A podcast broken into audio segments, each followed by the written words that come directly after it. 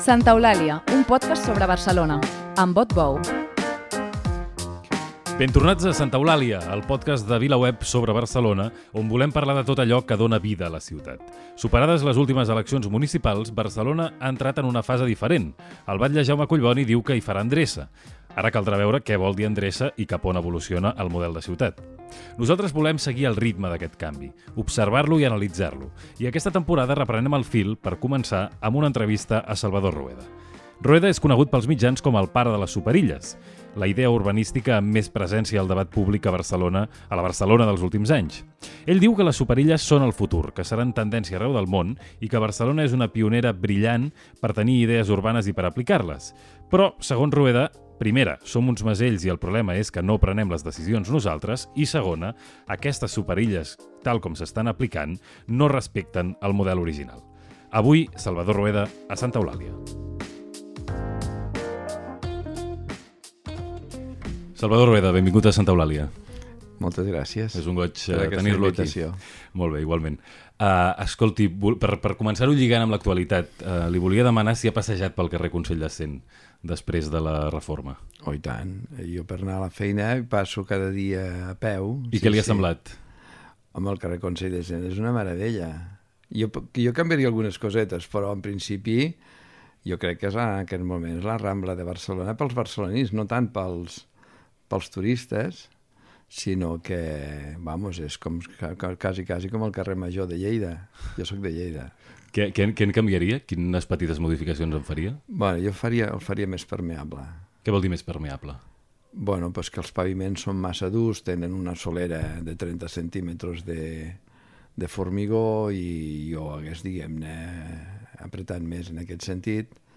Hagués fet, diguem-ne, més la idea del sud, que ja hi són, encara més, diguem-ne, més evident, perquè hem de buscar reduir les temperatures eh, per adaptar-nos al canvi climàtic. I els dos variables són la sombra eh, i la permeabilitat del sol. Mm. Per tant, aquestes dues coses, diguem-ne, s'haguessin... Bueno, ja s'ha fet, potser hagués sigut una mica més agosarat en aquest sentit. en De verd del falta?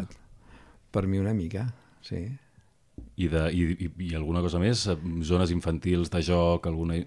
Bueno, possiblement hagués fet, com proposava el meu amic eh, Rafael de Cáceres, la possibilitat de modificar eh, les característiques de la solució de disseny en base a les característiques de l'activitat que, que predomina en cada un dels sectors, en cada un dels trams de carrer. Mm. Fer-ho més adaptatiu, diguem-ne. Exactament. L'hagués més adaptat a les condicions, diguem-ne, del, del propi indret. De tota manera, clar, això que diu del sol, diguem-ne, ja eh, potser fem una mica tard, però amb la resta de- d'esmenes es, pot, es pot anar Podria fent. fer, sí. Hi ha un marge de... Però hi ha tant per fer per Barcelona que diguem-ne que tal com està ja està bé. Molt bé, perfecte. I escolti, quan, quan, va, quan va saber, quan va conèixer la notícia que la jutgessa demanava revertir eh, les obres i tornar a l'estat anterior del Consell de Cent, què va pensar? Bueno, vaig pensar que hi ha molta política. Mira, en, el nostre, en la nostra ciutat, els elements estratègics sempre s'han decidit, la primera decisió sempre s'ha pres fora. Perquè aquí s'han neutralitzat les iniciatives d'uns i dels altres. Sempre ens hem neutralitzat. I des de, començ, de començar per, pel propi Pla Cerdà, que va estar decidit a Madrid, o, el, o els projectes de, de les exposicions universals o inclús els Jocs Olímpics, tot això que, va, que ha estat, diguem-ne, el revulsiu per modificar de manera estratègica la ciutat, sempre s'ha decidit fora. Què vol dir, què vol dir que ens, ha, que, que, que ens Que hem som uns neutralitzat? macers, que som uns macers, que som uns manats, nosaltres. Nosaltres no ens podem posar pas d'acord. Però és un, tema, és un tema de falta de poder o és un tema de falta de valentia? És un... No, és el, el manat és aquell que li han de dir el que ha de fer. No som capaços de posar-nos d'acord per fer les coses estratègiques que cal.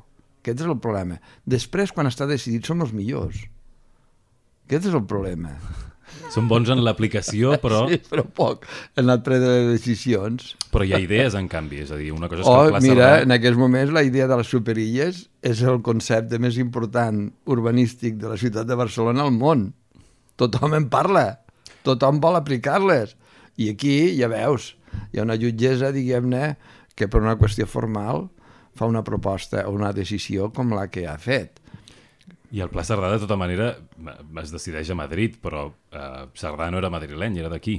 Naturalment. Vull dir que potser produïm les idees i després som bons aplicant-les, però és, és això, és un tema de poder, de que ens falta l'aplicació de la, la, sense, la presa de la decisió. Sense anar més lluny. Algú ha de prendre la decisió primer i eh, nosaltres hem de creure per les condicions que siguin, per, per l'escenari, en aquest cas, jo que sé, el de Cerdà, el que va, que va ser, el dels Jocs Olímpics el que va ser, és a dir, el que prenia la decisió era el Comitè Olímpic Internacional. Doncs com que ja per inèrcia de la conversa, diguem-ne, hem anat tirant enrere, comencem per, per, per l'època que vostè entra a treballar a l'Ajuntament. A vostè n'hi diuen sovint a vostè el pare de les superilles. No sé si se sent reconegut amb aquesta etiqueta. Bueno, o la mare, no sé. Però sí... Prefereixo la mare, eh? Però sí que Perquè va... de pares n'hi ha molts, de mare només n'hi ha una. Va parir la idea, vostè, entenem-nos. Bueno, jo t'explico com va anar la cosa. Sí. Vale?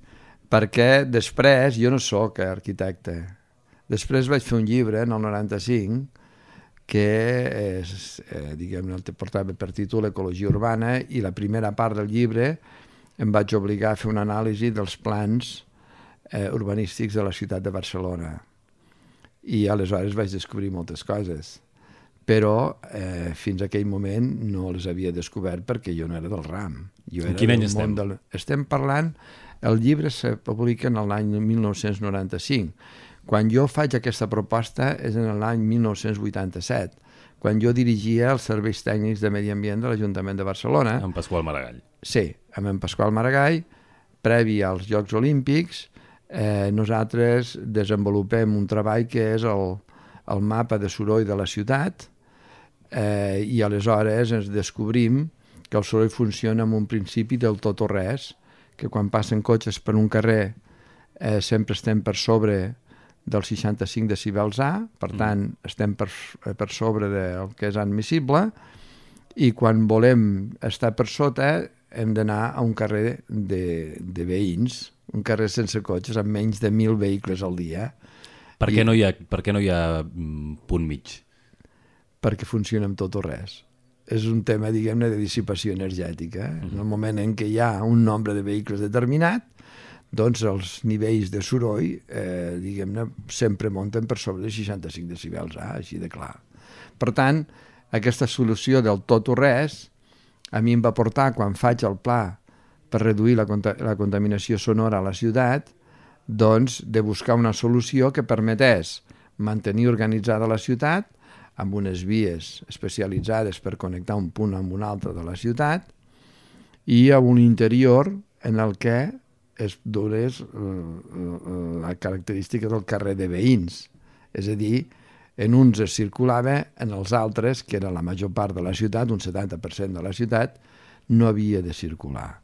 I per això surt la idea de les superilles. Les superilles surten fruit d'aquestes característiques de la dissipació energètica dels vehicles. Que veu que només amb una reforma urbanística diguem hi ha possibilitat de Només és possible redissenyar les xarxes, si no, no és possible, així de clar. Mm. De fet, ara mateix només és qüestió de sortir al carrer i es veu. En els carrers, diguem-ne, que hi ha un nombre de vehicles determinat, és impossible que siguin per sota els 65 decibels A. I les superilles, com, com neix la idea? Qui, qui, el nom de dir-ne superilla? El... Bueno, perquè la idea, diguem-ne, de superilla surt perquè abraça diverses illes. Aquesta idea d'incorporar un perímetre per on circulés eh, el vehicle i el transport públic, els artefactes motoritzats per connectar un punt amb l'altre de la ciutat, doncs deixaven a l'interior una superfície de 16-20 hectàrees. Mm -hmm. Vostè em I... sembla que parlava de 20 hectàrees amb uns 6.000 habitants mm, per hectàrea, eh, per, per zona, diguem-ne, per sí, superilla, això... que per tant seria un grup compacte de 9 illes en el cas de l'Eixample. Em sembla Exacte. que era el, el model com eh, aquesta, és la, aquesta és, diguem-ne, la realitat, la descripció de la realitat de Barcelona. Eh?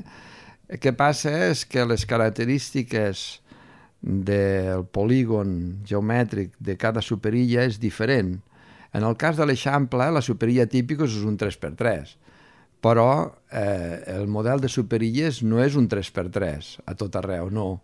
El model de superilles és una xarxa que s'acomoda a la morfologia de la ciutat, perquè no tothom, no totes les parts de la ciutat són, diguem-ne, ortogonals com l'Eixample, sinó que té unes característiques més orgàniques, etc en funció dels períodes temporals en els que s'ha fet. Però, en qualsevol cas, sempre compleix una màxima, i és que hem de domesticar el cotxe, hem d'urbanitzar-lo, i per tant ens hem d'acomodar les característiques del cotxe que no ho hem fet mai i les característiques del cotxe és que la velocitat d'aquest artefacte és 5, 6 o 7 vegades més gran que el moviment a peu.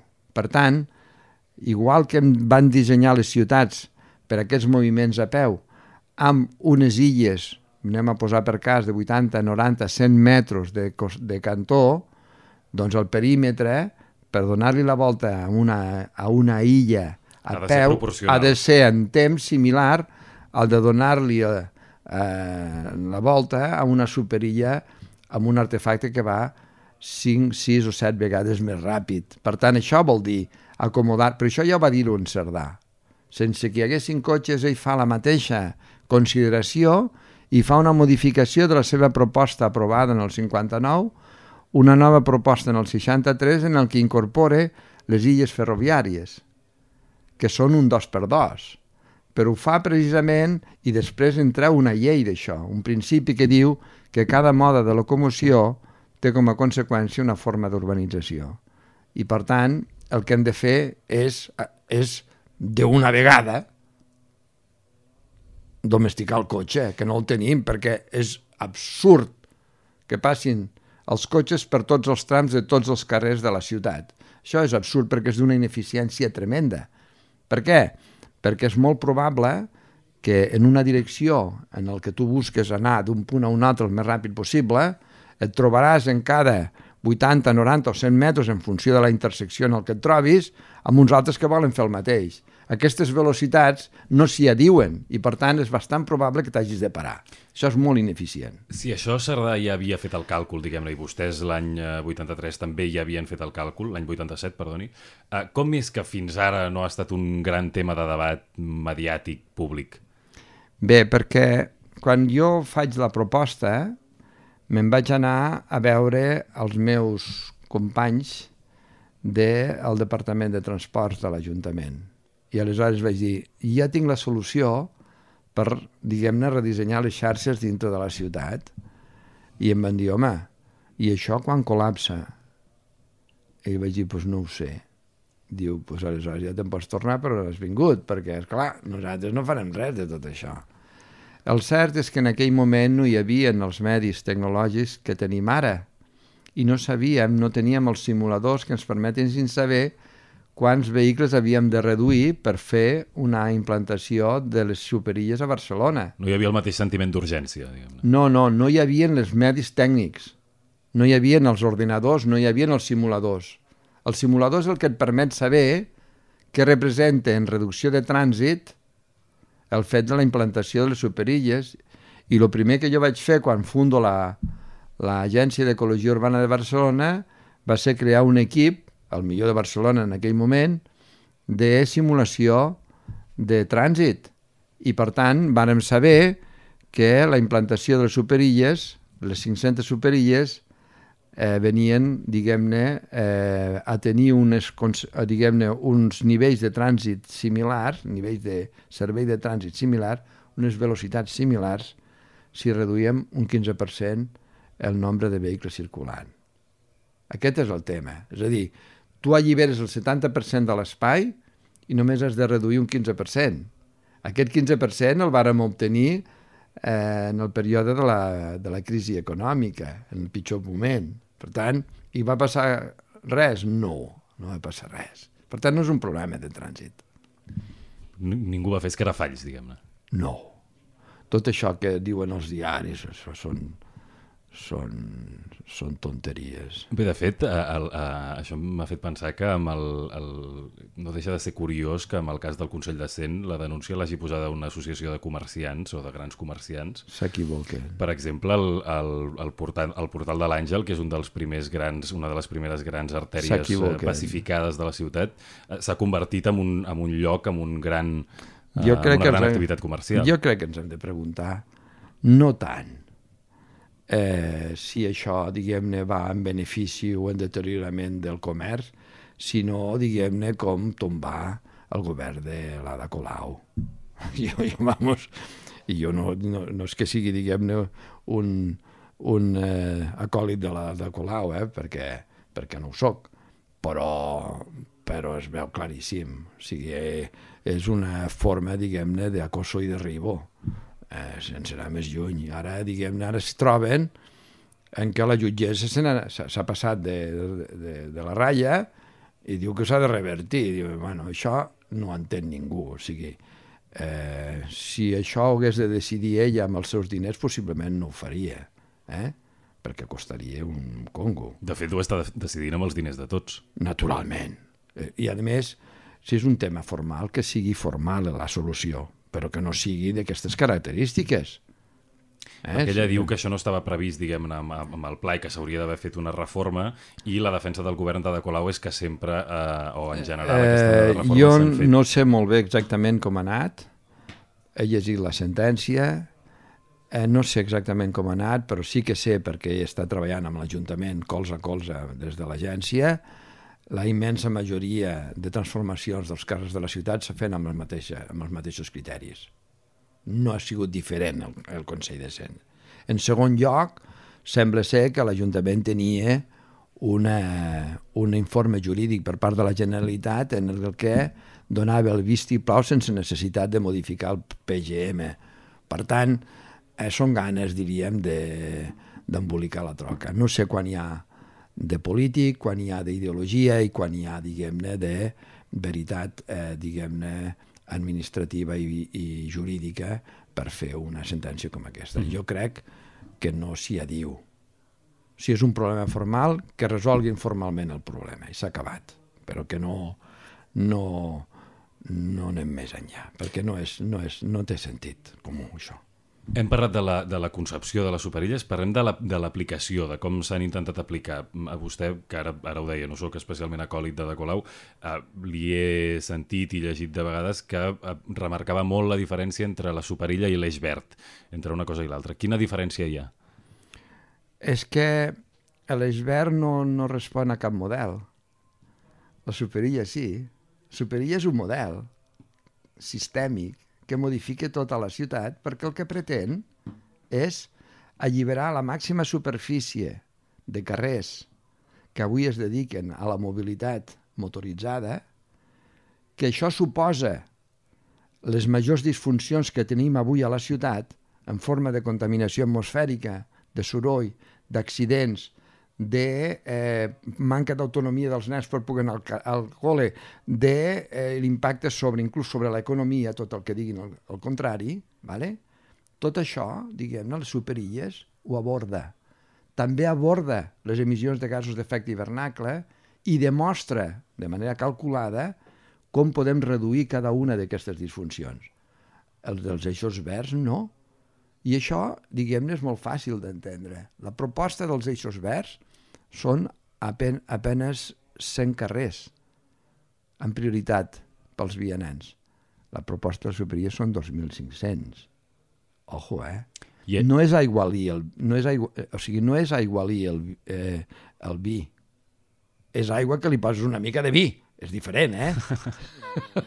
I, per tant, això, vostè creu que això que s'està fent ara no, no té res a veure amb les superilles, és, són només eixos verds? No, el que passa és que van a favor perquè el carrer Consell de Cent és un carrer transformat, però el que hem de fer ara, en paral·lel, és el de Diputació, que està dintre de la proposta de Superilles, però no solament els, eh, diguem els horitzontals Clar. i paral·lels a la Gran Via, també els verticals, és a dir... Com Girona, per exemple. Com, el que com Girona, Girona. clar, Girona també està dintre de les superiors. I jo puc estar en contra? No, no, però clar, el que no pot ser és que això sigui el model. Perquè aleshores no resolem el problema de la contaminació atmosfèrica, del soroll, totes aquestes qüestions que són claus. És que la gent, a veure si ens entenem, amb una proposta com la de les superilles, hi ha un, un article, eh, una recerca, diguem-ne, científica, en el que està, diguem-ne, demostrat, està publicat, en el que si implantem les superilles, evitem, des del punt de vista de la salut, cada any evitem la friolera de 667 morts prematures a causa de la contaminació, del soroll, del calor, etc. Evitem més de 18.000 atacs d'asma, més de 12.000 eh, bronquitis agudes, més de 600 hospitalitzacions per problemes cardiovasculars. Ojo! I, atenció, perquè els que ens podem estalviar amb diners de la factura sanitària del que això representa o de el nombre de dies laborals que es perden per haver estat malalt, per aquesta raó, de 1.700 milions d'euros cada any. 1.700 milions que van caient clon, clon, clon per no fer-les. Quan en realitat fer les superilles amb una solució tàctica, eh? tan denostada, eh? tàctica, però que finalment resol tots els problemes, menys els estètics, per això els hi demano a la gent que fa disseny que hi pensi en això, perquè és clau, a 45 euros al metre quadrat, per alliberar 7 milions de metres quadrats, representa 300 milions d'euros. 300 milions d'euros que anem a suposar que les construïm en 10 anys. Són 30 milions d'euros a l'any. 30 milions d'euros a l'any. Amb un pressupost municipal de 3.600 milions d'euros a l'any. Què són 30 milions sobre 3.600? O 36.600 milions d'euros, 36.600, dic bé, en 10 anys, per 300 milions, que és 0,0, o sigui, res. No és un problema de trànsit, no és un problema econòmic. ¿vale? Per tant, eh, ens hem de preguntar quin és el problema, M'explico? I vostè I... quin creu que és? Per què creu que ens hem quedat amb el, encallats amb els eixos verds i que de moment no estem anant més perquè enllà? Perquè som uns massers perquè som uns manats, perquè no som capaços de prendre decisions estratègiques, perquè el gran error des del meu punt de vista del govern de la Colau és apropiar-se del concepte. Apropiar-se del concepte, aquesta és la clau. Què passa? Que aleshores la resta de partits, si tu fas bandera d'això, et, tiren, et tiren tiros per tot arreu. Quan en realitat un concepte com aquest estratègic ha de ser un tema de ciutat, no un tema de partit. Aquesta és la qüestió clau. I per tant, quan jo escric l'article sobre les diferències dels eixos verds sobre superilles, jo els hi dic, facin eixos verds, és que estan legitimats per fer el que creguin convenient en guanyar les eleccions, vale? però no li diguin superilles que, quan no fan superilles. Perquè és que aleshores estigmatitza el terme i el que fa, diguem és que tothom se posi en contra del que vostè està fent, que en realitat no és el que és, amb la qual cosa, quan parlen del Consell de Cent com a la superilla del Consell de Cent, que, que, quina superilla ni que... Això no és res, això és un carrer de vianants com de, de tota la vida. Escolti, desgranem les tres principals crítiques eh, dels opositors, diguem en aquest, en aquest model, o de, no opositors, però que, que les principals coses que se'n critiquen. La primera és que això és molt difícil eh, d'aplicar si abans no hi ha una reforma de la xarxa de transport públic que permeti ja està mm, feta. facilitar... El, ja diguem... està feta. La xarxa ortogonal, les Bs i les Hs, les dissenyo precisament perquè es pugui fer les superilles. Però prefereixo ja més aviat a, a la qüestió de rodalies, diguem-ne, per eh, facilitar l'arribada i la vinguda... En el pla de mobilitat que jo faig, que jo dirigeixo la seva redacció i que s'aprova pel plenari de l'Ajuntament, tinguem en compte que la proposta de Superilles està aprovada pel plenari de l'Ajuntament, eh? Ojo. Amb el govern d'en Tries, eh? que va ser el que va impulsar-ho. Eh? Ojo. Eh, amb, amb diguem-ne, la proposta del pla, el que, diguem-ne, fa és, tenint en compte els dèficits d'entrada i sortida amb la metròpoli, vale?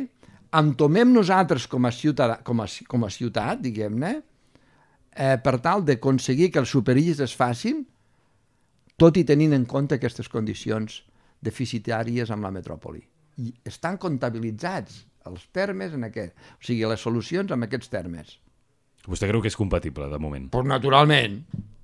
I està redactat, està definit, i el que ho vulgui mirar, que ho miri i que ho llegeixi. El que passa és que es parla molt sense llegir.